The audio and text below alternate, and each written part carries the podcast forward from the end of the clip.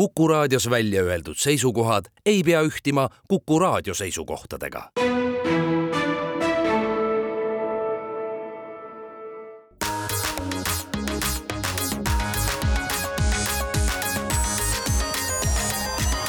digitund. digitunnile ja digimaailmale annab hoogu Telia tere hommikust, head Kuku raadio kuulajad, on esmaspäev, seitsmes august ja Digitunni stuudios on kogunenud Mait Tafenau, Indrek Vaheoja ja Andrus Raudsalu, et möödunud nädala digiuudiseid lahata. ja saate teises pooles liitub meiega Rivo Roosileht Teliast, kellega me räägime siis ruumiandmete analüüsist. ta on teinud siin hulgaliselt äh, data crunch imist ja, ja vaatame, mis siis sellest välja on tulnud aga algatuseks eh, peame parandama ühe vea, mida me oleme siin saates vist isegi paar korda korranud, nimelt siis see, et eh, Pixeli telefonid Eestis 5G tuge ei oma. Äh, see on, äh, kunagi oli tõsi, kahjuks või õnneks enam mitte iseenesest on positiivne selles mõttes, et noh, väidetavalt vaadake, probleem oli ju selles, et küsimus on selles, kui sa ostad endale 5G telefoni, siis 5G telefon, mis, mis tähendab, et on küll 5G toega, ei tähenda, et on kohaliku operaatori juures avatud 5G võrgus osalema. ja, ja lihtsalt varem oli meil see informatsioon, et Google'iga nagu läbirääkimised noh, Eesti on seal tõenäoliselt prioriteetide nimekirjas kõige tagumine ja ei õnnestunud, aga, aga tuleb välja, et Telia võrgus tõesti ühel kuulajal õnnestus meid parandada ja, ja kirjutas meile, et, et temal 5G ilusti Pixlis toimib ja küsisime Teliast järgi ja tõesti tuleb välja, et Pixli telefonid nüüd on tõesti meie turul oodatud. kas kõikidest teistest operaatoritest, palun küsige ise järgi, me ei ole seda kontrollinud. nii et palju õnne kõigile Pixli omanikele, kes on vähemalt Telia kliendid ja ega siinkohal me kutsume ka kuulajat üles teada andma, kui teile tundub, et me siin mingit infot päris täpselt ei valda või oleme eksiteel kuidagi, et aga kirjutage meile ja, ja kui me eksime, eks me ikka parandame oma vead ära nii, nii me loodame vähemalt. aga lähme siit nüüd äh, turvauudistega edasi ja New York Times kirjutab seda, et äh, Ameerika Ühendriikide siis ametnikud äh, otsivad praegu palavikuliselt siis Hiina pahavara, mida arvavad, et on siis päris paljudes süsteemides, ennekõike siis militaarkommunikatsiooni ja, ja erinevates erinevates süsteemides, mis kontrollivad siis no näiteks vooluvõrku, vett, ja, ja kõike muud ja usutakse siis, et hiinlased on siis oma pahavaraga eh, süsteemid eh, noh nakatanud, istutanud need süsteemid sinna ja kõik algas siis juba kuskil umbes maikuus, kui eh, Hiina organisatsioonid alustasid siis sellist rünnakut või eellugu seoses sellega, et eh, Ameerika riigisekretär Anthony Blinken pidi siis Pekingisse juunikuus eh, minema visiidile. no maist hakati siis vaikselt siis tööga pihta, et teada saada, et millised siis plaanid olema saavad. ja no möödunud nädalal siis anti teada ka seda, et Ameerika Ühendriikide suursaadikul Hiinas Nicholas Burnsil on emaili konto häkitud ja, ja teistel tüüpidel seal ka. et, et seoses seoses sellega siis äh, käib praegu noh, selline tõsine, tõsine uurimistöö, et, et kui, kui need äh, pahavarad äh, tõesti sinna istutatud on ja ühel hetkel siis aktiveeritakse, noh, siis võivad, võivad kahju saada ka väga paljud tsiviilsüsteemid, sest et ega siis sõjaväebaaside, ma ei tea, kanalisatsioonid, veed, elekter, kõik see, see on tsiviiltaristuga väga-väga tihedalt seotud ja, ja võib palju pahandust juhtuda ja jätkame nüüd natuke maapealsemate turvauudistega. Äh, kõigile Androidi omanikele siis selline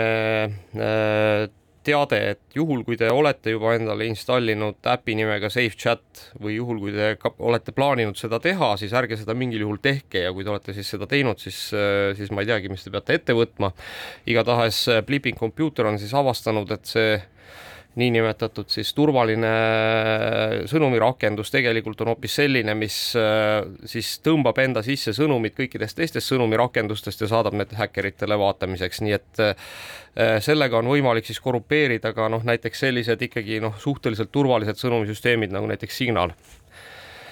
Äh, nii et olge valvsad ja teine teine siis äh, turvahoiatus tuleb äh, kõigile Minecrafti mängijatele, nimelt siis on avastatud seda, et äh, et Minecrafti süsteemis on siis üks niisugune Bleeding Pipe'i nimeline äh, turvaauk, mida on siis kasutatud terve rea Minecrafti modifikatsioonide nakatamisel ja see käib niimoodi, et kõigepealt siis nakatatakse selle kaudu ära server seal siis nakatatakse ära ka need siis serveris olevad nagu modid, mida saab endale alla tõmmata ja noh, lõpuks, kui need siis inimese arvutisse jõuavad, siis põhimõtteliselt on võimalik seal installeerida mis iganes pahavara. ma ei hakka neid modifikatsioonide nimekirju siin ette lugema, mis teadaolevalt juba tänaseks on nakatunud, äh, paneme ilmselt selle lingi üles äh, oma Facebooki lehele, et siis Minecrafti omanikud, olge valvsad ja vaadake, seal on ka õpetus muuseas, kuidas kindlaks teha, kas äh, kas teie siis arvuti on nakatatud või mitte? Aga jätkame veel turvauudisega, et Tesla omanikud, et me oleme tegelikult ükskord varem ka rääkinud, et Teslasid on võimalik jailbreak ida, aga nüüd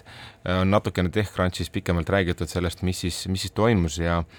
ja, ja tehnikud ühesõnaga kasutasid mingit huvitavat äh, riistvara häkkimise metoodikat, kus siis põhimõtteliselt elektripinge ähm, mõjutamisega või nad nimetavad seda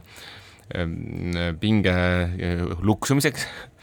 ja siis seeläbi on võimalik neil käivitada äh, noh, ütleme protsessoris käsklusi, mis ei olnud muidu sinna ette nähtud. Ja sedasi trikitades on nad suutnud öelda protsessorile, et nüüd sa pead oma järgmise käsu või informatsiooni meile andma. Ja ja jõudnud järjest äh, ühe sammu haaval järgmise juurde ja, ja jõudnud selleni, et on saanud kätte võtme, millega krüpteeritakse siis äh, äh, Tesla ütleme sisemisse võrku päringute tegemist ja, ja kogu see informatsioon, mis seal taga liigub. ja, ja noh, lihtne oli, eesmärk oli see, et saada need tasulised teenused, näiteks nagu istmesoojendused ja kõik muud aktiveeritud ja sellega nad ka hakkama said aga teoreetiliselt ütlevad, et noh, seeläbi võiks mis iganes datat sealt kätte saada, et, et näiteks kui nad sinu Teslaga lähevad sõitma, siis laadida Teslast alla kõik sinu kontaktandmed, mis on näiteks Teslaga nagu sünkroniseeritud ja noh, nii edasi ja nii edasi, et mis iganes isiklikku andmeid sul seal autos olla võivad. autopiloot ei saanud käima või? Elon Mode'i ei, tegelikult oli siin mingeid asju veel, mida nad kõike tahtsid saada, et noh, mis iganes lisad seal olid, kõike neil oli võimalik enam-vähem sealt juhtida, eks ju aga noh, ühesõnaga põnev lugu on just selles, et kuidas see üldse nagu, nagu võimalikuks sai, et kuidas seda riistvara häkitakse, et noh, see minnakse nii rohujuure tasandile ja niisugusel tasemel tehakse siis lülitusi, mis ei ole selleks ette nähtud, et et sa võid igatepidi nagu sada lukku ümber panna, aga kui sul ikkagi aknad on majal alles, siis noh, kuskilt ikkagi see valgus sisse tuleb ja ja sisse vaadata saab, nii et selles mõttes on see lihtsalt üks väga põnev maailm aga ma lähen siit üle ühe tehnoloogia uudise juurde veel, mis on võib-olla nagu kõigile nagu huvitav, et et teatavasti IPv4 äh, aadressid on need, millega nagu valdav osa meie internetist täna endiselt toimib, eks ju. ja kuna neid on vähe, siis äh, näiteks ka Amazoni, kes on tuntud siis niisugune teenuste kodu, kuhu oma internetiteenused üles riputada, on hakanud maksustama ka IPv4 aadressi kasutamist, et alates äh, esimesest veebruarist kaks tuhat kakskümmend neli on IP aadressi kasutamise eest null koma null viie dollarine tasu Äh, IPv4 aadressi serveri küljes hoidmise eest, mis on avalik, eks ju.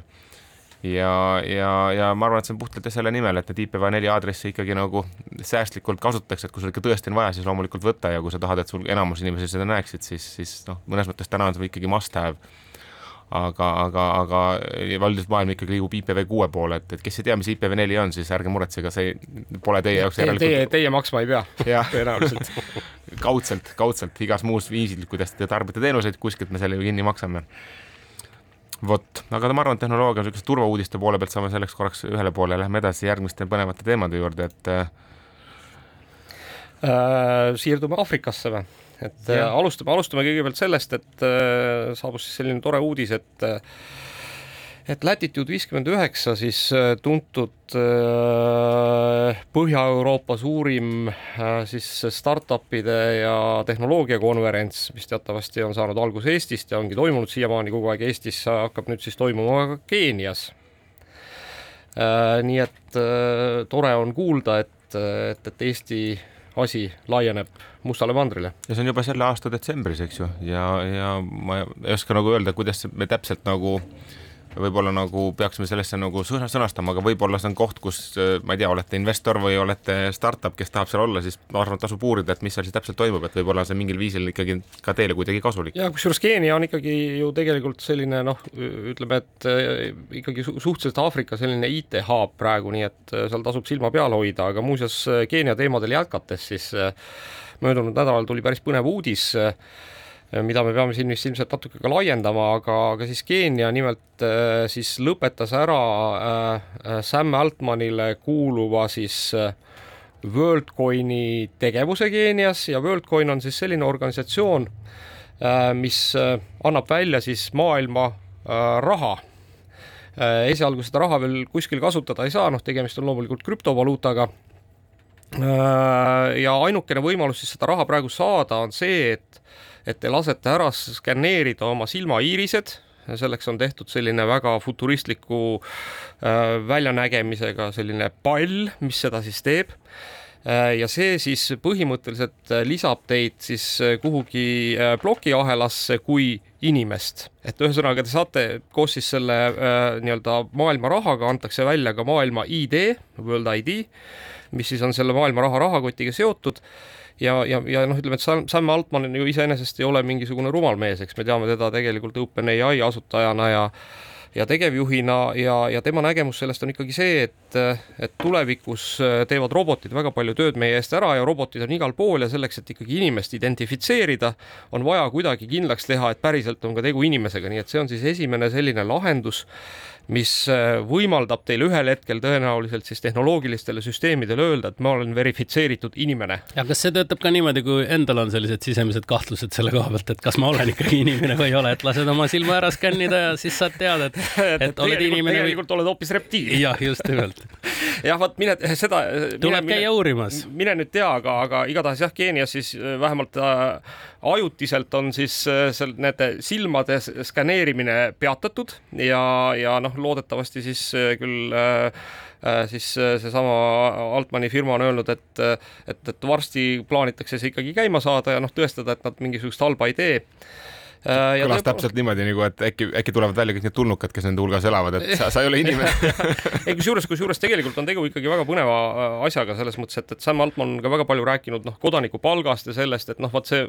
WorldCoin võibki siis olla ju ühel hetkel ka see mehhanism, eks, mille kaupa, mille kaudu hakatakse kõigile maailma inimestele siis raha jagama, kui robotid meie eest no, tööd teevad. selge see, et, et ei ole mõtet robotitele ja reptiilidele seda raha maksta, vaid ikkagi ainult inimestele. ja, aga lähme siitkohalt nüüd reklaamipausile ja tuleme varsti tagasi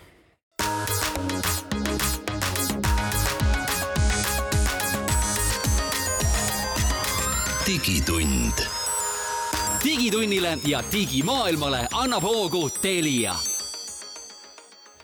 verifitseerimata inimesed Mait Tafenau, Indrek Vaheoja ja Andrus Raudsalu jätkavad siit äh, möödunud nädala digiuudiste ülevaate tegemist ja ausalt öeldes minu arust üks kõige selline meeleolukam uudis möödunud nädalast oli ikkagi see, et äh, siis Ameerika äh, spordikanalil ESPN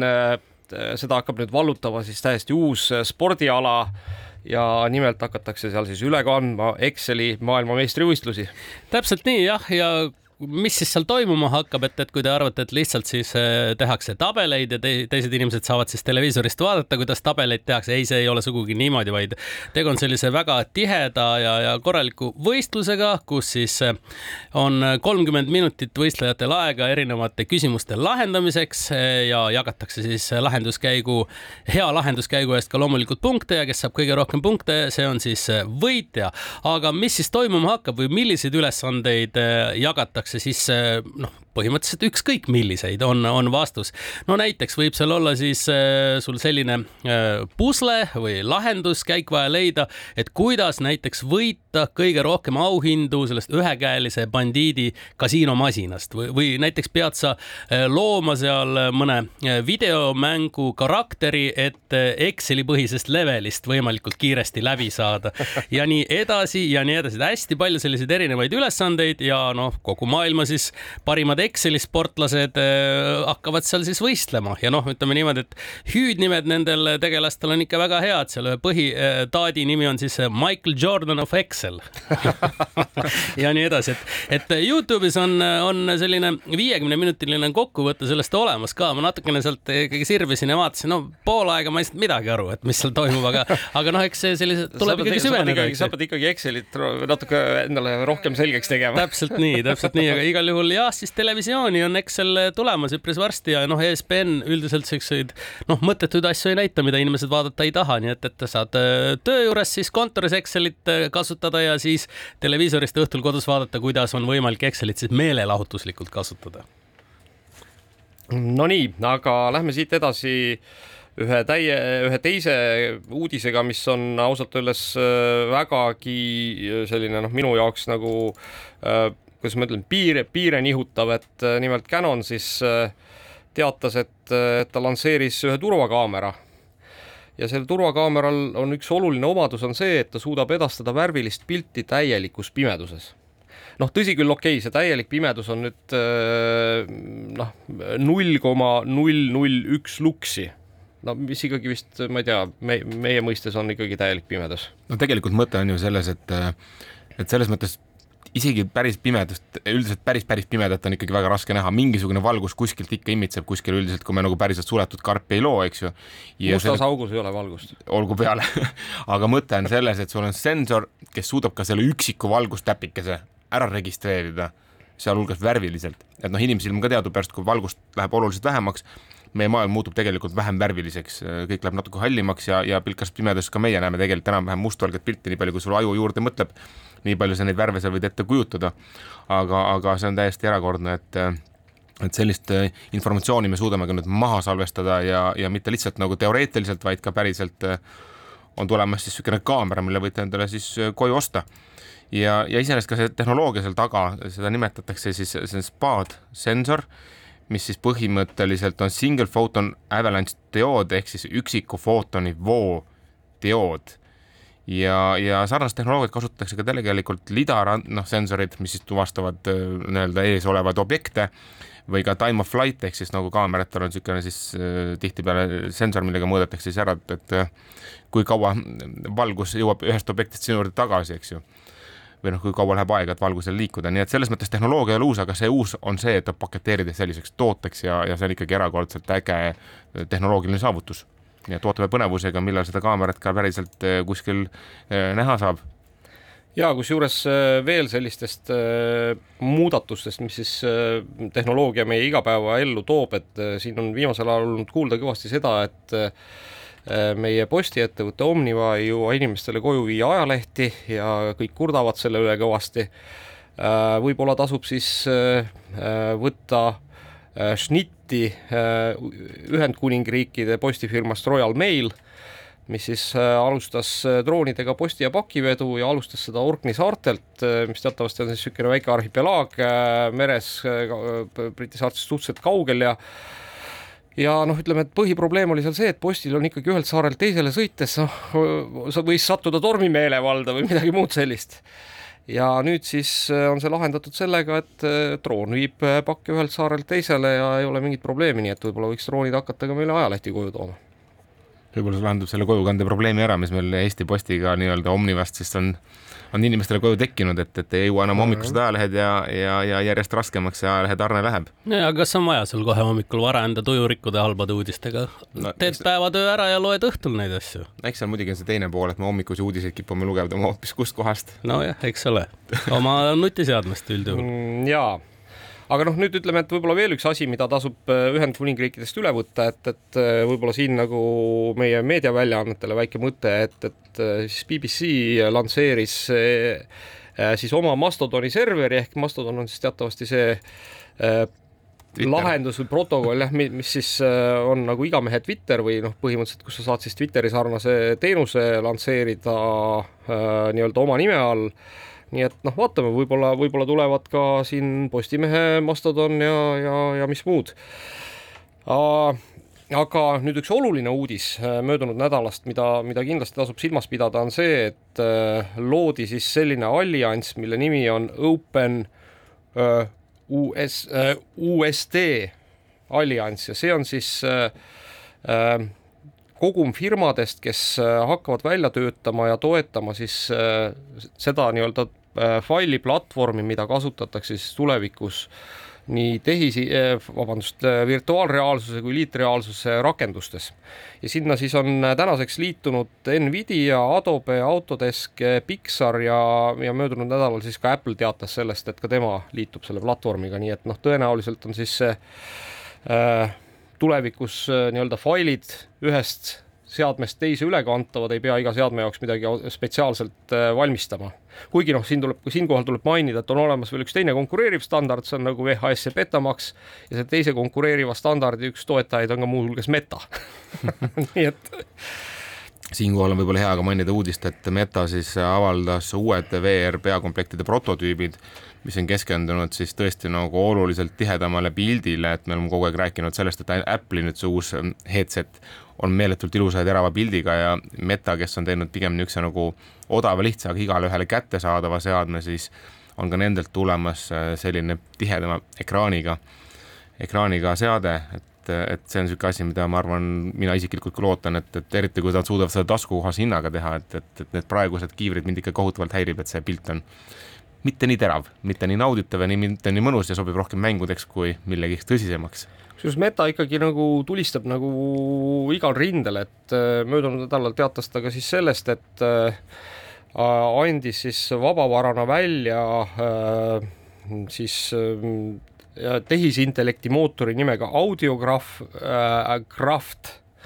millega on võimalik siis igalühel ise luua siis tehisintellekti abil muusikat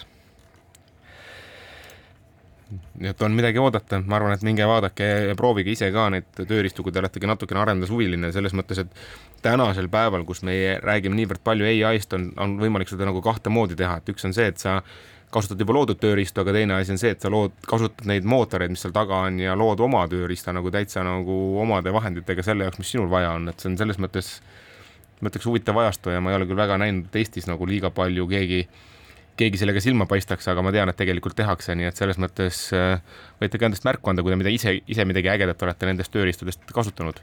ja, ja noh, võib-olla üks puhtpraktiline tehisintellekti uudis äh, ka möödunud nädalast on siis see, et et Rootsis tehti äh, siis pikem uurimus sellest, et, et kuidas tehisintellekt suudab aidata arste ja vaadati siis noh, nii-öelda põhimõtteliselt lasti siis mammogramme vaadata nii arstidel kui tehisintellektil. Ja selgus, et tehisintellekt ikkagi avastab rinnavähki kakskümmend protsenti juhtumitest rohkem, see tähendab mitte seda, et ta nüüd nagu kellelegi selle vähi külge poogiks, on ju, vaid, vaid just ka need siis, mis täna on jäänud arstide poolt avastamata, ikkagi tehisintellekt suudab nende samade röntgenpiltide pealt siis äh, üles leida, nii et äh, noh, ütleme. ju nad selliseid kahtlaseid momente, mida arstid võib-olla vaatavad äh, teinekord, et noh, no ma ei tea, eks ju, et, et võib-olla ei ole, siis nad äkki suhtuvad statistika ja kõige muu põhjalt nagu tihedamalt sellesse või vastupidi. või siis teine asi on, et nad näevad midagi, mida me inimestena ei ole taibanud vaadata. just kontrollida. kusjuures mina võtaks ühe asja siia ai maailma juurde, et vahel ma näen inimesi, kes räägivad, et need ai asjad ikkagi on kehvad ja inimesed on ikkagi paremad ja nii edasi, siis mulle tundub, et me tihtipeale nagu mõtleme nagu sellest asjast valepidi, et me sildistame seda justkui ai tegelikult, kui ma räägin ai-st, eks ju, siis ma peaks võib-olla niimoodi, Indrek kasutas ai-d, tegi mingi asja ja nüüd ma testisin seda Indreku loodud asja, siis ma tegelikult testin seda, mida Indrek suutis ai-ga teha, võib-olla Andrus teeb kaks korda parema või kaks korda kehvema asja, et et me tegelikult ikkagi nagu valideerime kellegi loodud asja ja ka antud juhul selle vähi tuvastamine see sõltub sellest, kui hästi keegi selle mudeli treenis, milliseid treeningandmeid ta kasutas, kui osav ta selles oli ja võib vabalt juhtuda, et me ei saa öelda, et kas masin oli hea või halb, masin teeb alati ühtemoodi, küsimus on selles, et kes oli see teadlane või treener. kes tõlgendas, eks ju. jah, kes oskas teda nagu ja paremini tööle panna ja eks... kui keegi ütleb, et, et ei, ei tööta hästi, siis ma ütlen, et lihtsalt kas sattusid halva asja otsa või ise ei olnud seal piisavalt tubli, et asi endale selgeks teha ja proovi uuesti. ja praegu on sellist vastandumist ka hästi palju, et noh, et, et see ei saa olla hea, et inimene on ikkagi parem kindla peale, et, et noh, tuleb mm -hmm. lasta ikkagi ajal näidata, kes aga, siis parem aga on. aga noh, nüüd jällegi, et äh, veel üks võib-olla viimane ai uudis tänasesse päeva, et äh, Google siis möödunud nädalal äh, tõi avalikuks siis äh, tehisintellekti mudeli nimega Robotics Transformer kaks mille eesmärk on siis see, et, et äh, õpetada robotitele äh, nägema tavalisi asju, tegema tavalisi tegevusi, ehk sisuliselt äh, ühel hetkel peaks siis see mudel võimaldama seda, et sa ütled näiteks robotile, et mine vii prügiämber välja robot suudab leida prügiämbri, suudab leida ukse, suudab leida õuest prügikasti ja suudab selle prügiämbri sinna prügikasti tühjaks suudab ka õigesse konteinerisse panna, vot seda veel ei tea. no vot, vot, aga ega seal noh, mine tea, et ma usun, et, et ühel hetkel, kui suudetakse see konteinerisüsteem nagu robotile ära seletada mõistlikul kombel, siis kindlasti on ta selles natuke parem kui inimene. aga läheme siitkohalt nüüd reklaamipausile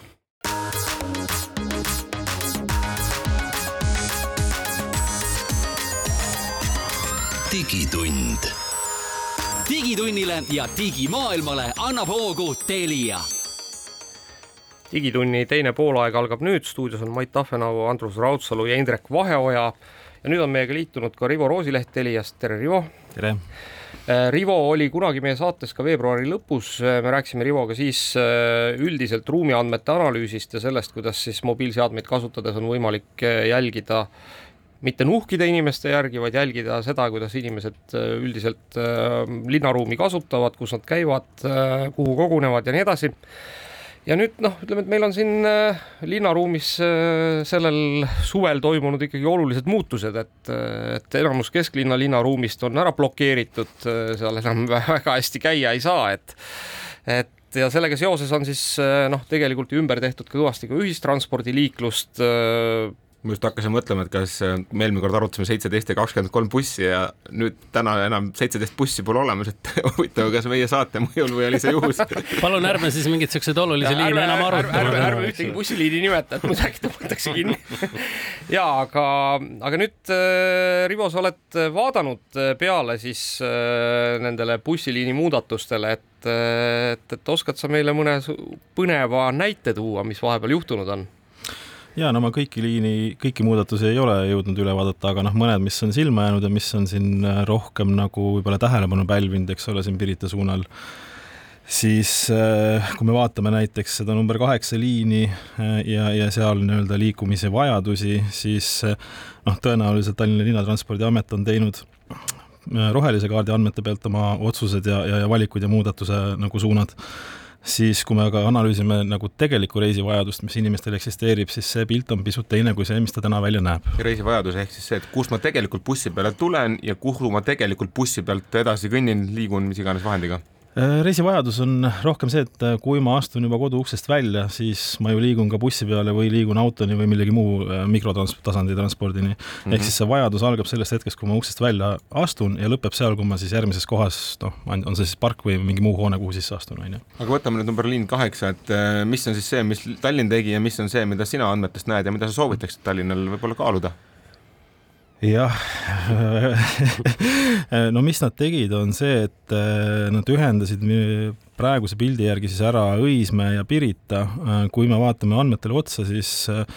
pigem suurem vajadus on Pirita ja Ülemiste linnaku vaheline ühendus kui, kui Õismäe ja Pirita. ja samamoodi, kui me vaatame, eks ole, seda reisivajadust seal hommikustel tundidel seitse, kaheksa ja nii edasi siis jääb vagisi, noh, jääb see pilt ikkagist, et väga paljud lapsed ja tööinimesed kasutavad seda liini ja nad liiguvad hommikul seitsme-kaheksa ajal ja neil on vaja tegelikult just seal äh, kesklinnas seda ümberistumispunkti, kui nad ka teise linnaossa lähevad, aga mitte see, et nüüd ehitati nendele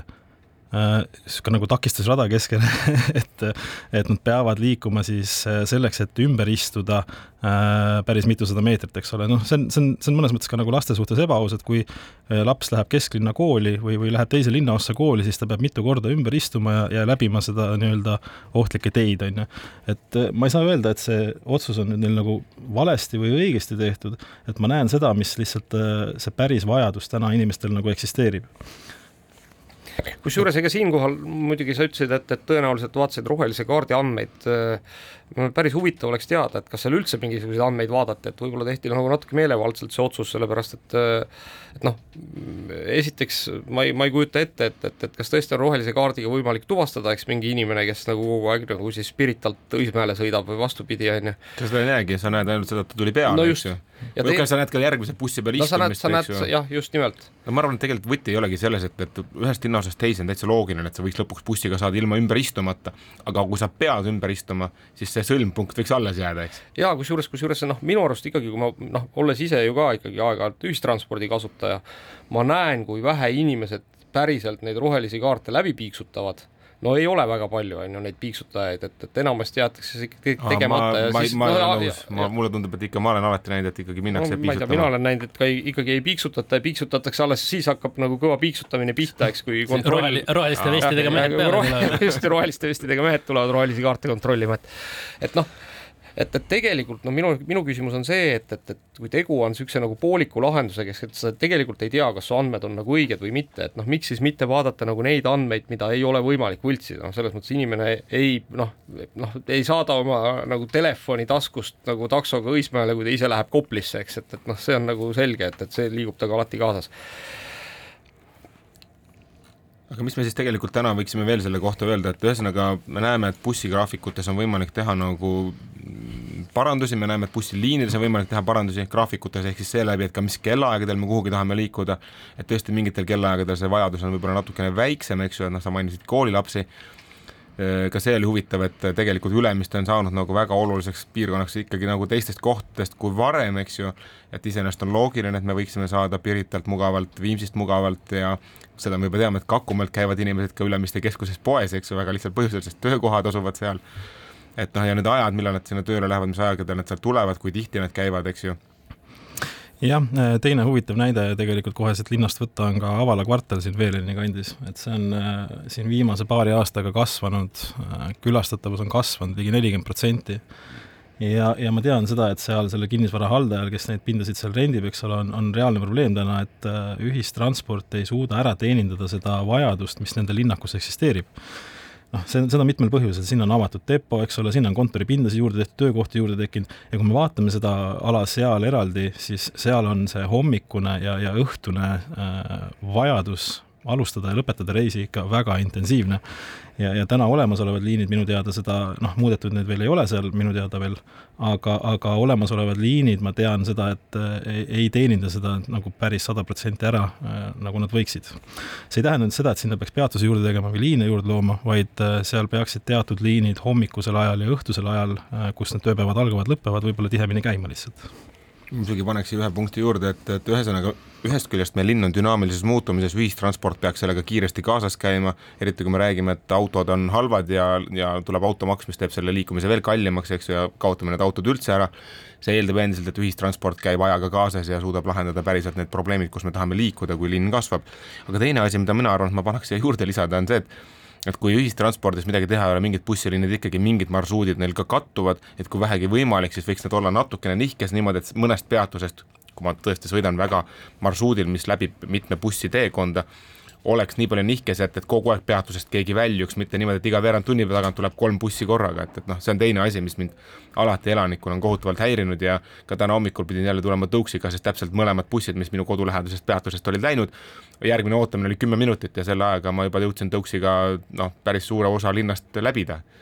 et selles mõttes ma arvan, et talvisel ajal, eriti kui tõuksidega ei ole mugav liikuda, oleks palju rohkem abi ühistranspordi kavalamast ja paremast planeeringust, eks. just, ja see ei ole ainult mitte see, et sa pead neid liine planeerima väikese viitega, vaid sa pead arvesse võtma ka seda, et noh, tee peal ikka juhtub õnnetusi, mis iganes mõni liin hilineb, on ju, et seal mingi väike puhver peaks olema, et kõik ei saagi sekundi pealt toimida. aga kui seal on noh, ma ei tea, ümberistumisega mingi neli-viis minutit vaheaega, eks ole, see jätab sulle piisavalt aega, et kui on mingi hilinemine või mingi muu intsident, on ju, et, et, et see ümberistumine oleks sujuv ja kõige tähtsam osa on see, et meil on olemas andmed, eks ju, et kui me varem rääkisime, et raskem on planeerida, sest sa pead enam-vähem nagu ikkagi kõhutunde pealt tegema, siis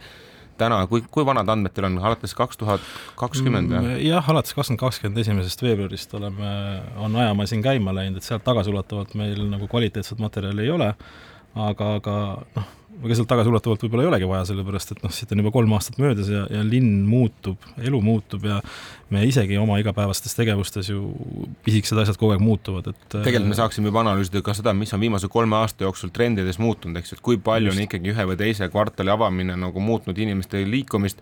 eriti nende ärikvartalite puhul, kus hommikuti minnakse tööle ja mis on päriselt ühiselt ajal, et kui me nagu suvalisel ajal päeval liigume mingisse punkti, siis üldiselt see nagu midagi probleemi ei tekita, aga kui hommikul hakatakse massiliselt minema kohta, mis ei ole selle jaoks projekteeritud, siis tekib meil väga selgelt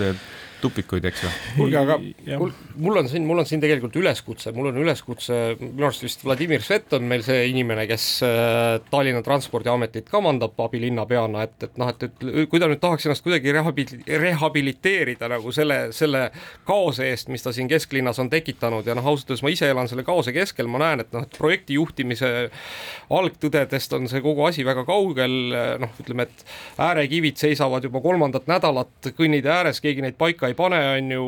noh, ühtegi, ühtegi meest seal objektil ei ole, eks on ju, et, et, et noh, et, et üritaks nüüd äkki ennast kuidagi kokku võtta, et et noh, minu ettepanek on see, et A, kaotage bussidest ära need validaatorid, noh, ma arvan, et see kogu see taristu maksab äh, omajagu raha Tallinna linnale hakake kasutama mobiiliandmeid selleks, et inimeste liikumist äh, jälgida, sellepärast et äh, tegelikult kogu see validaatorite põhjendus oli ju see, et meil on vaja nagu liine planeerida, siis me teame, kus inimesed maha ja peale lähevad. noh, elu on näidanud, et ei suuda neid liine planeerida nende validaatorite abil saatke need rohelised, roheliste vestidega mehikesed äh, mingile muule tootvale tööle. kivedest äh, Rah. raha on võimalik kõvasti kokku hoida ja tegelikult ja tegelikult on võimalik saada parem tulemus, kui, kui, kui see senini on noh, meil siin olemas on ju. no enne seda, kui Andrus siin päris tõsise revolutsiooni üles tõstab, kuulame natukene reklaame.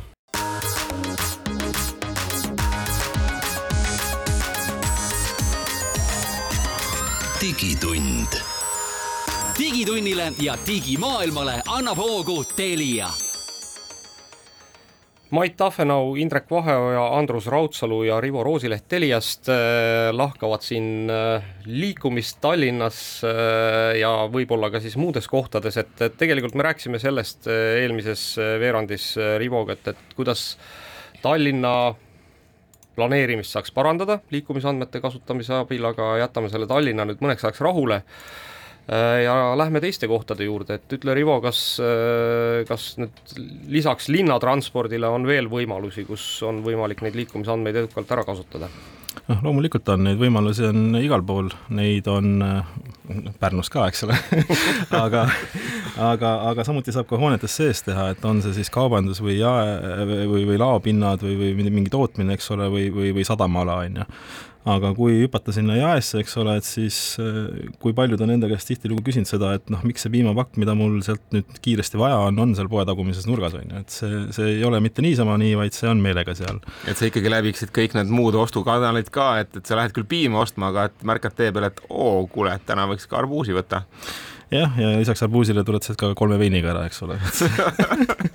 see muidugi, see viimane on küll, et minu arust ikkagi need piimapakk ja viinapakk on nüüd küll väga eri, eraldatud üksteisest täna toidupoodides, et, et need on ikkagi eraldi seina taga, et sinna sa vist niisama naljalt ei satu enam. tõsi, veini, veini sa tõesti niimoodi ei saa, aga kõike muud küll, jäätised ja, ja võib-olla ka uued kingad võid toidupoest teinekord niimoodi saada aga jah, see selles suhtes need on kõik väga teadlikult tehtud, et äh, kui sa lähed, eks ole, astud sisse, siis äh, ega ruumis sees samamoodi kõik liikumised ja POS-alad ehk siis point of sale alad on ju äh, loomulikult analüüsis kogu aeg. Ja, ja näha, eks ole, millised kampaaniariiulid või riiuli otsad siis nagu kõige rohkem tähelepanu saavad, kust kõige rohkem müüki teha, eks ole, milliseid pakkumisi kuhu tõsta, millisele sihtgrupile, kas ma täna tahan lastega peredele midagi turundada või, või, või, või üksikemadele või isadele või mis iganes, eks ole, on ju. et äh, need on kõik väga teadlikult seal paigutatud, et sa võimalikult palju aega seal veedaksid, võimalikult palju kohti läbiksid ja, ja ilmselt äh, ka mingi impulssvastu sealt ka sooritad, on ju. kuule, aga kas ma saan nüüd õigesti aru, et, et sa tahad öelda, et kui me räägime nagu teekonna jälgimisest, et sina, kes sa jälgid siis mobiilide liikumistrajektoore äh,, suudad ka jälitada inimest pehmelt öeldes nagu või noh, massi inimesi poe sees liikumas, et ma tead, sa tead, et ma tulin Prismast sisse just sellest väravast ja jõudsin äh, selle puuviljalettini läbides siukseid koridore no me ei, me ei jälita inimesi, me analüüsime liikumistrajektoore ja liikumismasse, eks ole, et äh, anonüümiseeritud kujul. aga jah äh,, kõik kohad on meil linnapildis ja ka kaubanduskeskustes ju tegelikult kaameraid täis äh,. ühel või teisel põhjusel neid kaameraid on võimalik mitut pidi ära kasutada ja üks kasutus on siis ka see, et jälgida liikumismustreid ja teha ka objekti eristust, et noh, on võimalik ära eristada, kas tegu on ostukäruga, inimesega või seljakotiga või millegi kolmandaga, eks ole. ja sellis-, sellest, eks ole, analüüsist tuleb ilusti niisugune ilus pilt välja, et kus siis inimesed nagu keskuses rohkem aega veedavad, äh, milliseid trajektoore pidi nad liiguvad, milliste riiulite vahelt. näiteks kui on mõnes keskuses kino, äh, kui seanss lõpeb, milline on seos toidukaupluse külastuse vahel. et kõik niisugused asjad hakkavad sealt välja joonistuma ilusti, jah aga ma saan aru, et tegelikult äh, telefoni andmeid sa tegelikult siis ei näe, sa pead ikkagi analüüsima hoopis kaamera andmeid keskustes, ütleme ruumides sees jah, äh, me ei, ei saa nii täpseks kunagi minna, et me ei tegele ikkagist GPS andmete ja täpsusega, vaid meil on mobiilimasti andmed, eks ole, ja see tähendab seda, et seal tekib teatav niisugune graafiline nagu ebamäärasus või et me ei saa meetri täpsusega öelda nende pealt tõepoolest, aga Äh, kaubanduskeskustes või ruumides sees, eks ole, kus on kaamerad, äh, neid tavaliselt on piisavalt, siis nende pealt saab teha juba ka meetri täpsusega igasuguseid analüüse. kuule, aga mul tuli huvitav mõte, et äh, poes on ka mingid need ostupuldid, millega käime ringi, eks ju, ja mõtleme, et me skännime sellega toitu, aga mingil hetkel ma kujutan ette, selle sees on ka päris võimas arvuti, kas kas ka seal sees võib olla mingeid andureid, mis registreerivad, kus ma liigun? Ja ma ei kujuta ette nende koridoride peal mingeid andureid, mis omakorda ütlevad, et näed, sa parasjagu skännid selle, selle leti ääres mingeid asju. ja ega need äh, skännerid ei ole niisama, et tööjõukriisi leevendada kaubanduses või, või midagi muud, et äh, nad on ikkagist ka seal, et äh, näha seda liikumist ja noh, kui siin nüüd minna düstoopiasse siis ühel hetkel meil on ju elektroonilised hinnasildid ja sinul on see skänner ju sinuga isikustatud ja sa satud mingi riiuli juurde, siis sinu sissetuleku järgi võib-olla hakkab kuvama sinu hinda, on ju. aga, aga jah, et noh, ma, ma ei usu, et me sinna jõuame, aga, aga teoreetilised tehnoloogilised võimekused sellised on olemas seal. vaata kunagi, kunagi oli Apple'il oli see kurikuulus rakendus, mille nimi oli I am rich, mis maksis üheksasada üheksakümmend üheksa dollarit ja mis ei teinud muud kui ainult seda, et noh, kui seda käima panid, siis ütleski, et I am rich. Aga, aga, põhimõtteliselt, põhimõtteliselt noh, ikkagi oli inimesi, kes seda sealt App Store'ist ostsid, et vaata, võib-olla tulevikus on nagu see, et et äh, kui sa tahad oma sõpru impressida, siis lähed äh, toidupoodi ja lähed siis noh, piimaleti juurde ja näitad, et sinu piim maksab ikkagi viis eurot variante on aga no ühesõnaga ma saan aru, et kui ma oman siis mingit tööstushoonet, ma tahan vaadata, kuidas nagu inimesed liiguvad või mingil põhjusel mitte, et nagu ma tahaks neid jällegi jälgida, aga võib-olla muuta efektiivsemaks seda rada või kaubanduskeskuse omanikuna tahaksin näiteks analüüsida, et kuidas oleks mõistlik tegelikult nagu noh, ma võin arvata küll, et nad käivad siit rada pidi, aga võib-olla siiski enamus läheb teiselt poolt, et seda tüüpi analüüsi sinu abiga oleks võimalik siis kuidagi viia nagu päriselt faktideni ja, ja tõestatult öelda, et, et enamus ikkagi käivad niipidi mingil X põhjusel. ja noh, see on väga standardne lihtne asi, et ähm, selle ma võin vastata ka telefonikõne ajal ära, eks ole. Aga mitte ainult, et kui me räägime ka turvalisusest, et see ei ole ainult igasuguste asjade efektiivistamine, et see on, kui me vaatame mingeid tööstusalasid, on ju, siis äh, on võimalik luua ka reaalajas äh, teavitussüsteem näiteks, mida me oleme ka teinud, et äh, kas sellel inimesel, kes seal töötajal on kiiver peas või mitte, selles alas, kus tal näiteks kiiver peaks peas olema, olemas olema et äh, selliseid asju on ka väga palju, et see ei ole ainult see, et äh, vaatame, kuidas mida turundada või teha, vaid et see on ikkagist ka hästi suur on ohutuse pool igasugustes tootmistes ja tööstustes ja, ja sadamates ja nii edasi, et Mm -hmm. kuule, aga ma, ma, ma tuleks, ma tuleks korra veel kaubanduskeskuste juurde tagasi, et ma lihtsalt, üks asi hakkas mind kogu noh, kummitama, eks, et, et meil on äh, siit meie stuudiost mitte väga kaugel on kaks kaubanduskeskust, et üks on selline, mis on nagu alati puupüsti rahvast täis Äh,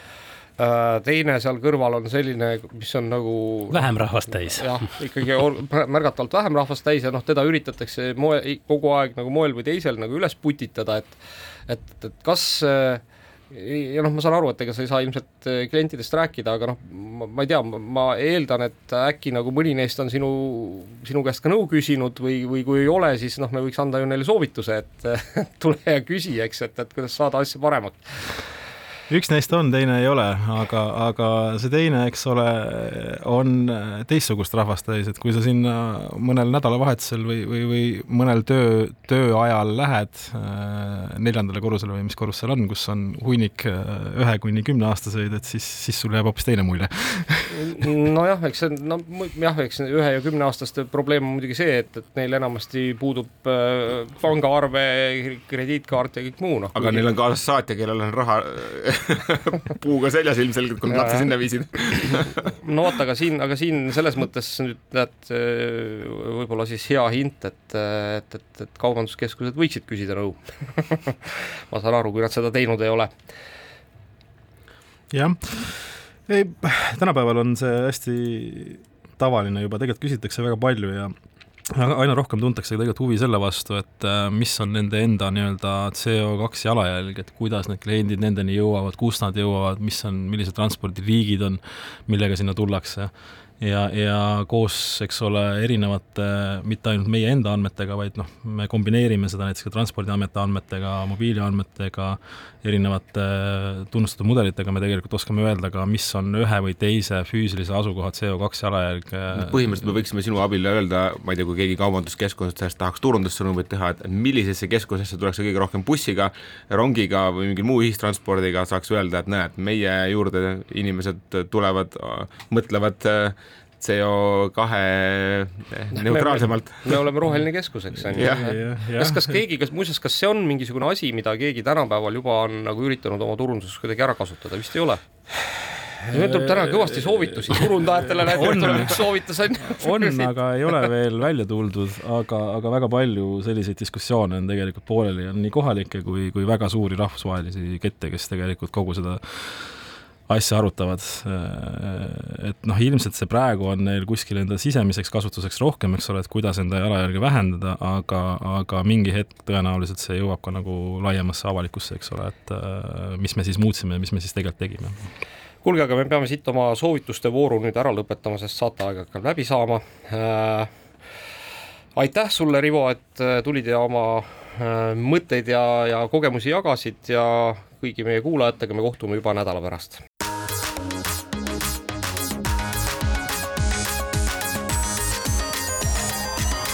digitund. digitunnile ja digimaailmale annab hoogu Telia